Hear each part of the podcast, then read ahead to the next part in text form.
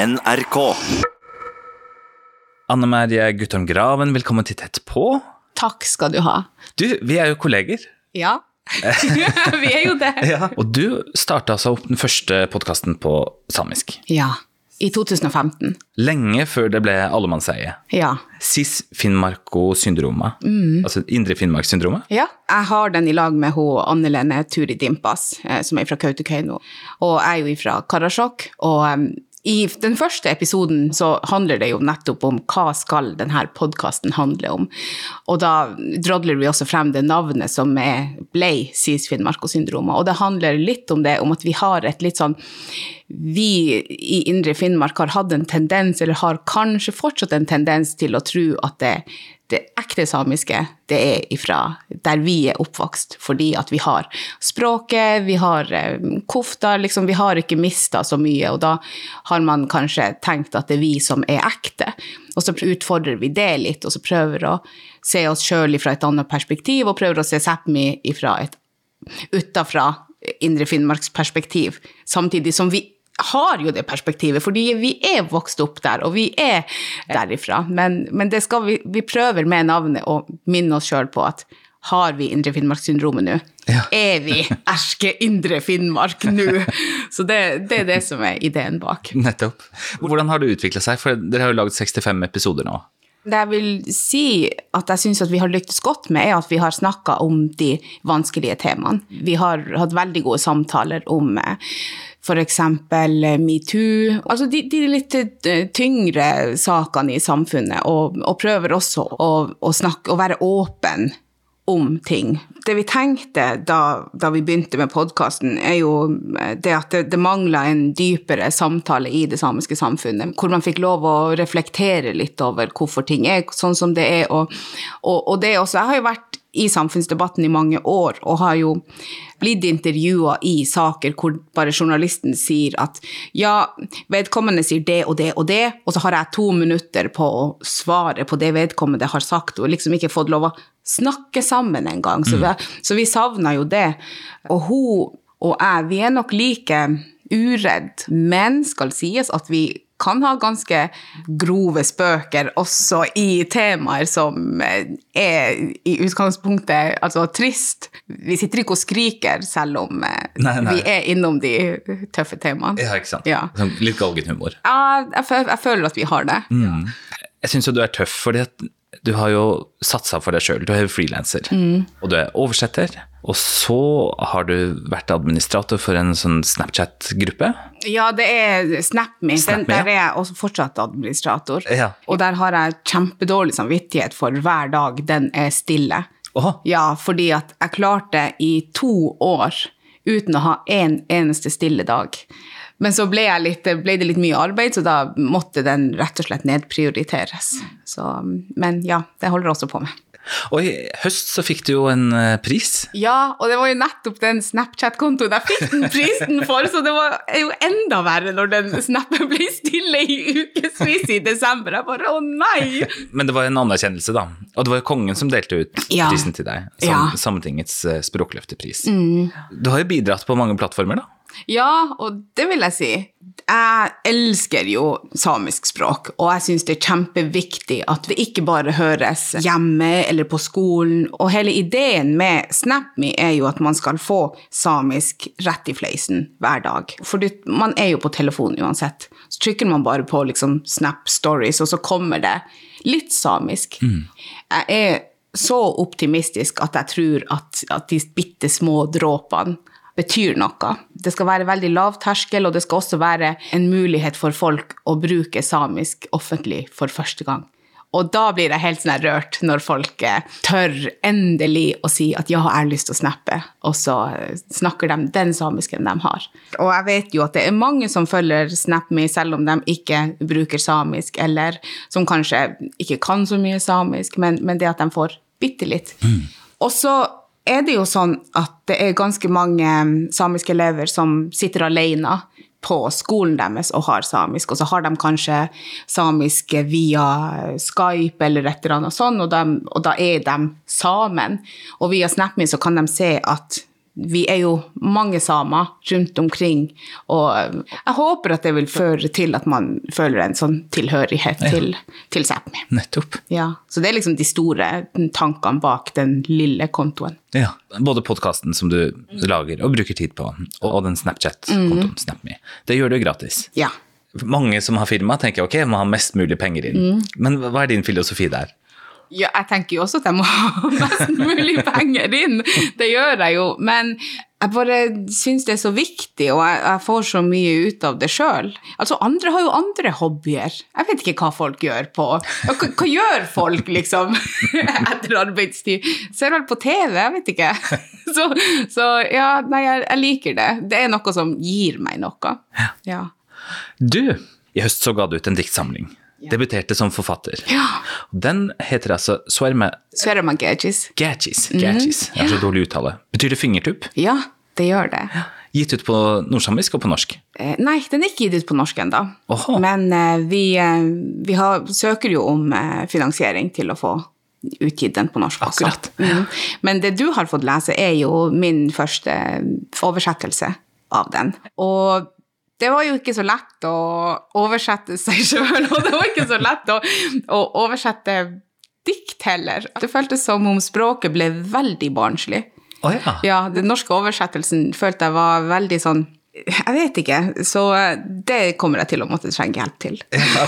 Å få, få poesien altså, til å klinge på eh, norsk. Jeg tenkte ikke på noe tidspunkt at det var, eh, at det var enkelt, eller eh, Jeg, jeg syns jo det både var presist og sterkt, da.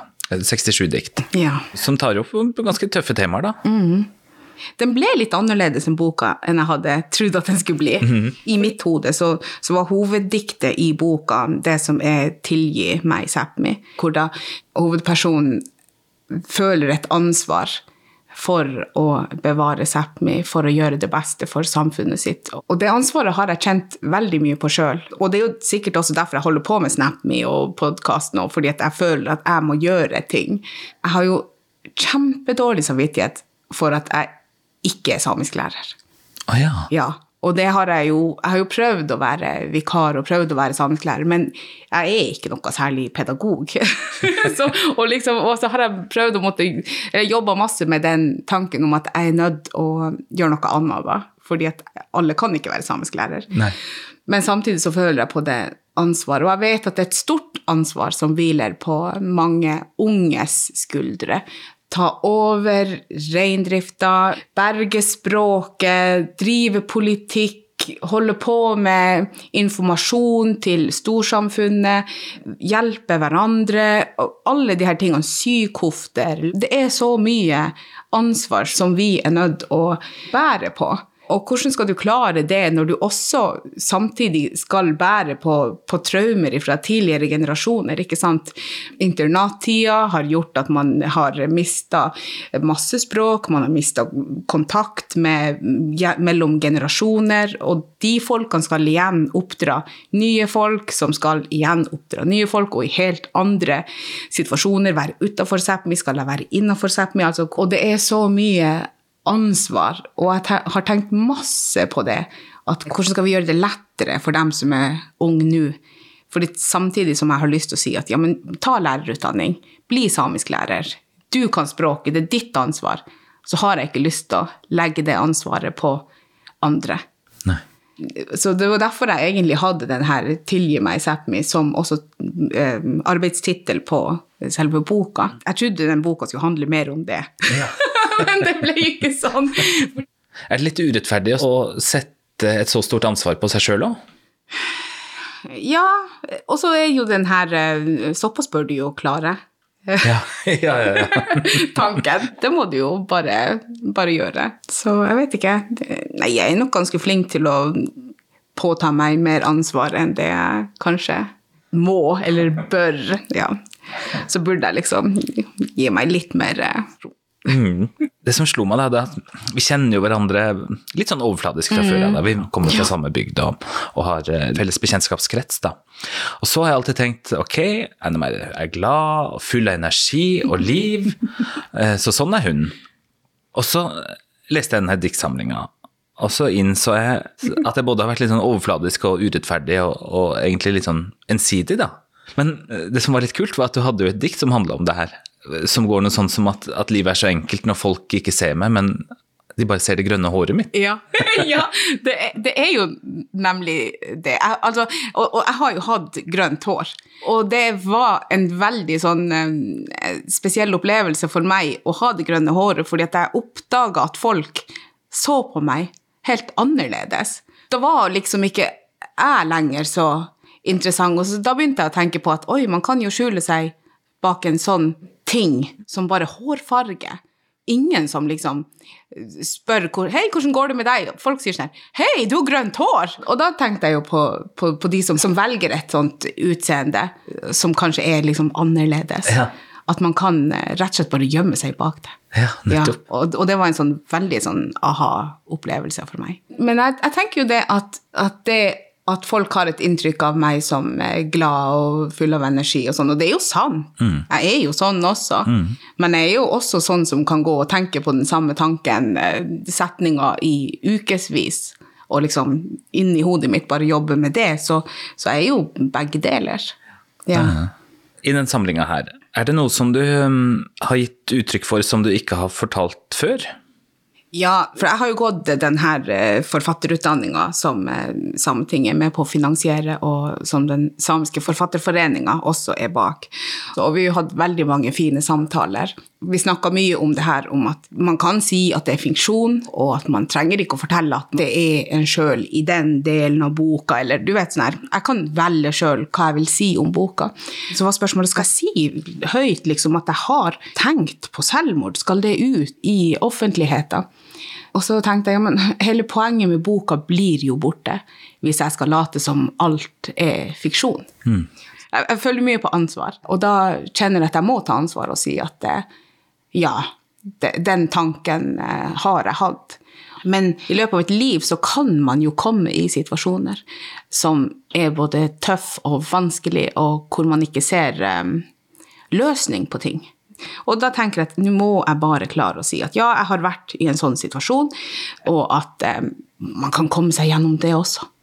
Man kan få hjelp til ting, og det sitter veldig langt inne for meg å be om hjelp. Men for, for meg så kan, kan, det være hjelp å få lov å snakke med en god venn eller uh, samboeren min, eller ja. Så jeg har bestemt at uh, jeg skal være åpen om det at ja, noe i denne boka er meg. Ja, ja. Bare for å hoppe helt fram til i dag, mm. da, går det greit med deg nå? Det, ja, ja, ja, den her ensomhetsfølelsen. Jeg kan huske første gang jeg hadde ensomhetsfølelse.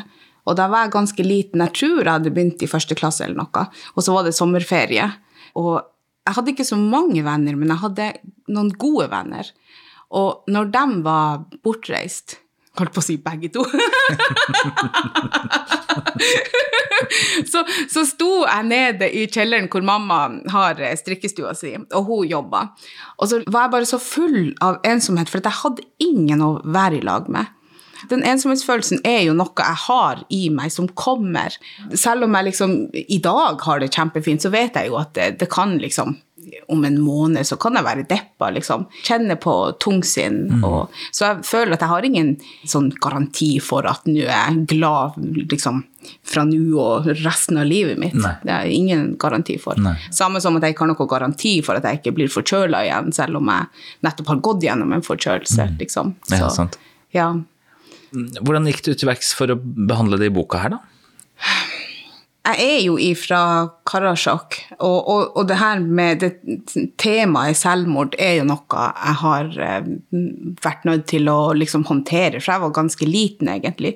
Fordi at eh, det var jo sånn at da jeg vokste opp, så var det jo en selvmordsbølge i Karasjok. Og jeg tror det har påvirka meg på en måte som jeg egentlig ikke har tenkt over før jeg begynte å jobbe med, med de her diktene mine. Altså, det kommer så fort til meg å tenke selvmord det er så eh, oppe i bevisstheten hele tida. Og, og, jeg tror nok at jeg er ganske redd for det. Og jeg har aldri skjønt hvordan kan folk ha det som et alternativ. At come on! Altså, det har vært et ikke-tema for meg. At er, jeg kommer aldri til å tenke det.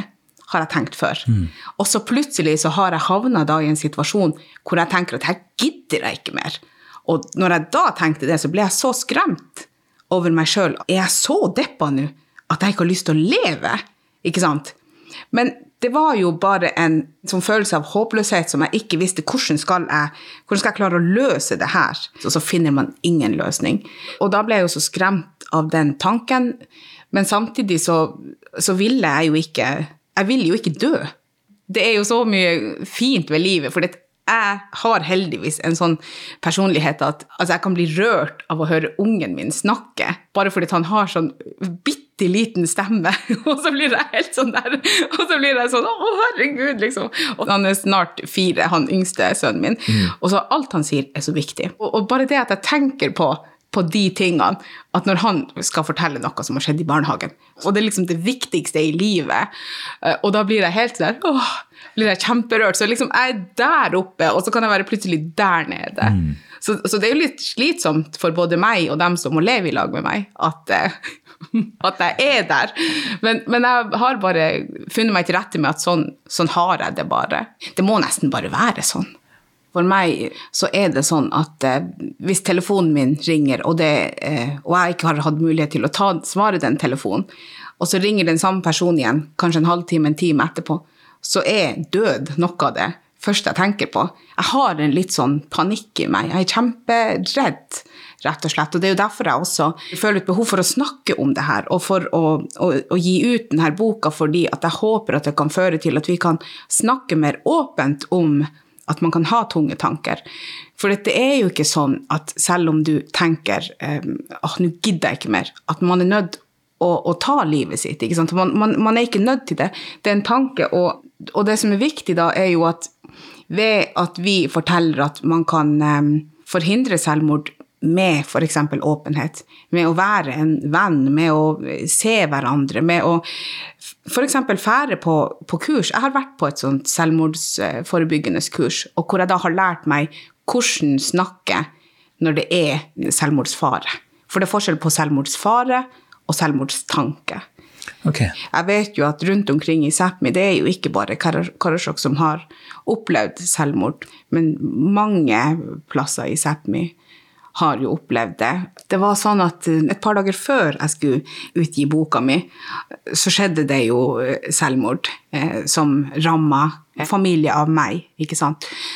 Og så tenker jeg ja, men når skal, skal, jeg kunne gi ut denne boka? For det er bestandig sorg. Det er bestandig noen plass i Sápmi som er i sorg. Altså, når kan vi snakke om det? Mm. Vi er bare nødt til å, å, prate om det selv om noen kanskje er i situasjonen. Akkurat når jeg snakker om det. Mm. Ja. De diktene du skriver om temaet der, sånn som jeg leser det, så syns jeg at du setter fingeren på tematikken. At du er ærlig og åpen i forhold til det. Men også at du, at du har elementer av håp, da. Ja. Blant annet det siste diktet i boka, ja. som jo uttrykker at ok, det her er tanker som forfatteren, eller ja, hovedpersonen, hovedpersonen har hatt. Mm. Men samtidig så er det et sterkt ønske om å få hjelp mm. til å komme ut av situasjonen. Ja, og det tenker jeg egentlig er et sånt et dikt til oss alle sammen. Om å ikke, ikke, ikke, ikke gi slipp på folk. Eh, hold fast i folk. Mm. Jeg som tenker såpass mye på temaet selvmord, så jeg vet, ikke, jeg, vet ikke, jeg vet ikke hvordan jeg skal hjelpe folk.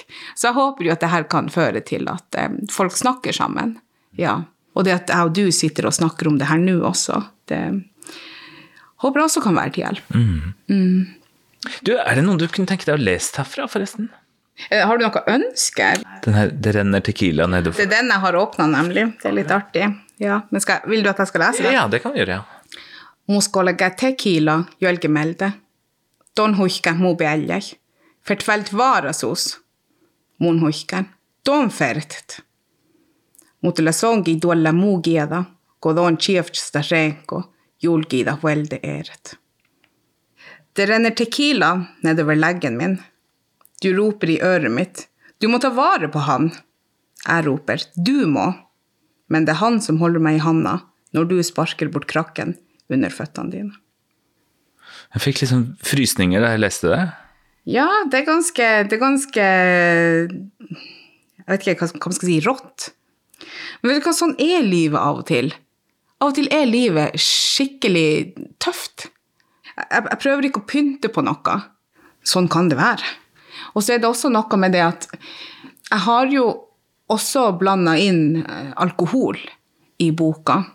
Og jeg tenker jo at det er også et tema som ikke er blitt snakka noe særlig om i Sápmi. Det er kvinner og alkohol. Og så tenker jeg også det at det er mye snakk om eh, unge samiske menn eh, som tar livet sitt.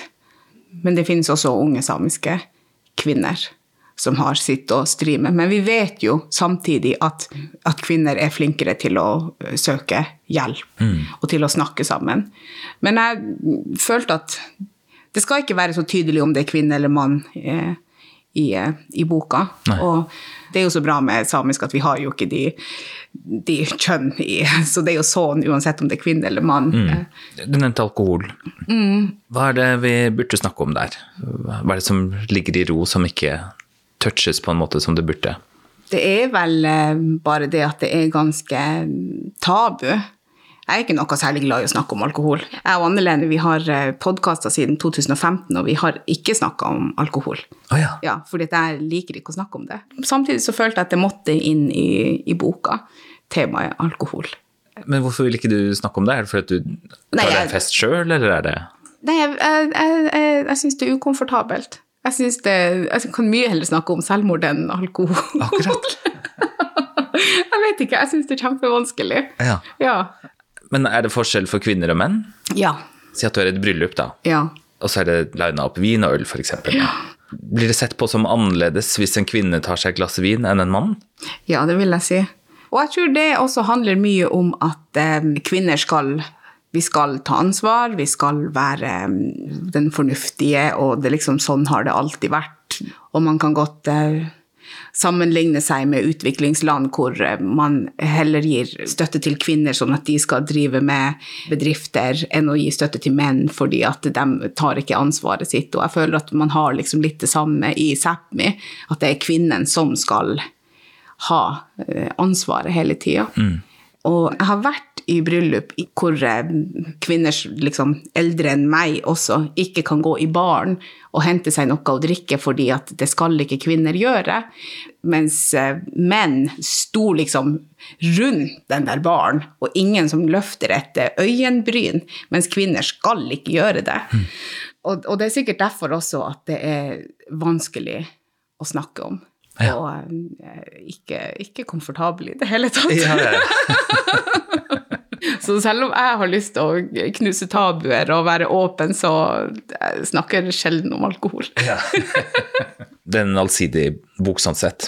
Og eh, det diktet som um, mm. fingertupp på norsk. Orker du å lese det òg? Ja, det orker jeg. Lekodandies dies, nupe bälde, njauhka min telefona, aina kommunaama, läkodon dies, don läkalo aina taas. muu juuridain, sörmageges.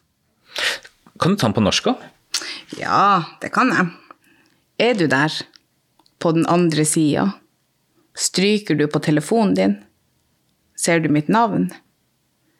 Er du der? Du er nemlig her, i mine tanker, på min fingertupp. Litt sånn forelskelsefølelse, fikk jeg inntrykk av. Å, det var gøy! Vet du hva? Det er veldig gøy. Okay. Fordi at uh, det er egentlig et uh, kjærlighetsdikt. Oh, ja. Det er det. Men så tenkte jeg at ok, men jeg tar det opp i denne boka, og så kan folk eh, lese det som et ønske om kontakt med omverdenen. Det syns jeg var hadde gøy. jeg flaks. Det var gøy! Fordi at jeg tenkte at den, i den konteksten skulle den leses annerledes. Men det handler jo også om den her eh, kontakten vi har med andre nå, og at det er mye eh, via telefon, ikke sant. Men det handler også om ønske om kontakt. Ja. Og så kanskje man ikke sier det høyt, at man ønsker kontakt. Og da får man jo ikke kontakt. Nei, sant. Og da er det jo bare på den fingertuppen at den kontakten er. Og det er så, det er så lite. Ja. Grunnen til at jeg ville lære å skrive bok, var at jeg føler som alt bare drar med vind nå. ikke sant? Jeg hold, har holdt på med Snap. Det er liksom et par sekunder, og så liksom, man ser det én gang, og så forsvinner det. Podkasten, du hører på den én gang, og så forsvinner det. Liksom, jeg ville ha noe som, som blir. For jeg føler som alt liksom bare går så fort, og alt bare Så jeg, derfor vil jeg at nå skal jeg liksom klare å få det til å være noe som varer. Mm. I karrieren din nå, da. Mm så er jo samisk språk helt sentralt, da. Mm. Og det er litt tøft å satse på det ja. som frilanser. Ja. Hvorfor har du gjort det? Det har vel egentlig begynt litt sånn um, forsiktig, og så har det balla på seg. jeg, har studert uh, samisk språk, og så uh, da jeg studerte, så, så, begynte jeg å ta oversetteroppdrag. Uh, og så plutselig, når jeg egentlig skulle skrive masteroppgave, så så fikk jeg jobb i NRK og jobba med den produksjonen Reinlykke, hvor jeg da oversatte og logga. Og så ble det bare mer og mer jobb. Men hvorfor jeg har valgt å jobbe med samisk, det er jo det jeg kan best. Ja. Og det er jo veldig gøy at jeg kan holde på med oversetting og samtidig utvikle meg sjøl hele tida. Være fri til å kunne lære meg nye ting, for det er kjempeviktig for meg. Jeg elsker å lære nye ting. Nei, det er bare fordi det er det jeg bryr meg om, og det er fordi at jeg er flinkest til det, mm. tror jeg. Ja. Altså, jeg er jo vokst opp med samisk språk, og det er det eneste språket jeg har kommunisert med f.eks. Eh, mine besteforeldre på morssida. Samtidig som jeg har fått høre at hva skal du med språket? Ikke drive og studere samisk, for du kan, du kan ikke berge deg med det. Hallo, det er jo det språket jeg og du sitter og snakker, samtidig som vi skal rakke ned på det, fordi det har ingen verdi. Og, og, det er jo sånn der paradoks som man vokser opp med, og det tror jeg er fordi at man vet at um, man er blitt behandla dårligere, og, og man er redd for at de neste generasjonene skal føle på det samme som man sjøl har følt på. Mm. Og det gjør at man får en sånn her, sånne motsetninger inni seg sjøl. Det samiske er bra, nei, det samiske er ikke bra. Indre konflikt, rett og slett. Ja. Og det tror jeg eh, handler om, om det generasjoner før oss har opplevd. Og så er det min jobb da å prøve å, å, kutte den der tråden. Men det er jo kjempevanskelig, fordi at um, jeg prøver jo også i min hverdag å balansere det her med å være meg sjøl, som er den samen som snakker høyt, samtidig som det at jeg er samen som snakker høyt, ikke skal ødelegge for mine barn, som er seg sjøl. Skjønner du? For vi mm. bor i et veldig fornorska område, og jeg må lære de ungene mine at man skal være seg sjøl fullt og helt, samtidig som jeg er redd for at, at jeg sjøl ødelegger for ungene mine. At de møter fordommer av meg, som er sånn jeg vet ikke, supersame, eller hva jeg skal mm. kaller meg, samtidig som jeg er bare meg sjøl. Du har mange arenaer som eh, lytterne nå kan utforske deg på, både på Snap og podkast og gjennom det du oversetter, mm. og med, og med diktsamling. Eh, Anne Merje Guttorm Graven, tusen takk for at du var med i Tett på. Sjøl takk. Veldig fint å få komme og prate litt her. Ja, så bra. Jeg heter Svein Lian. Tett på fra NRK Sápmi er produsert av 1 til 1 Media.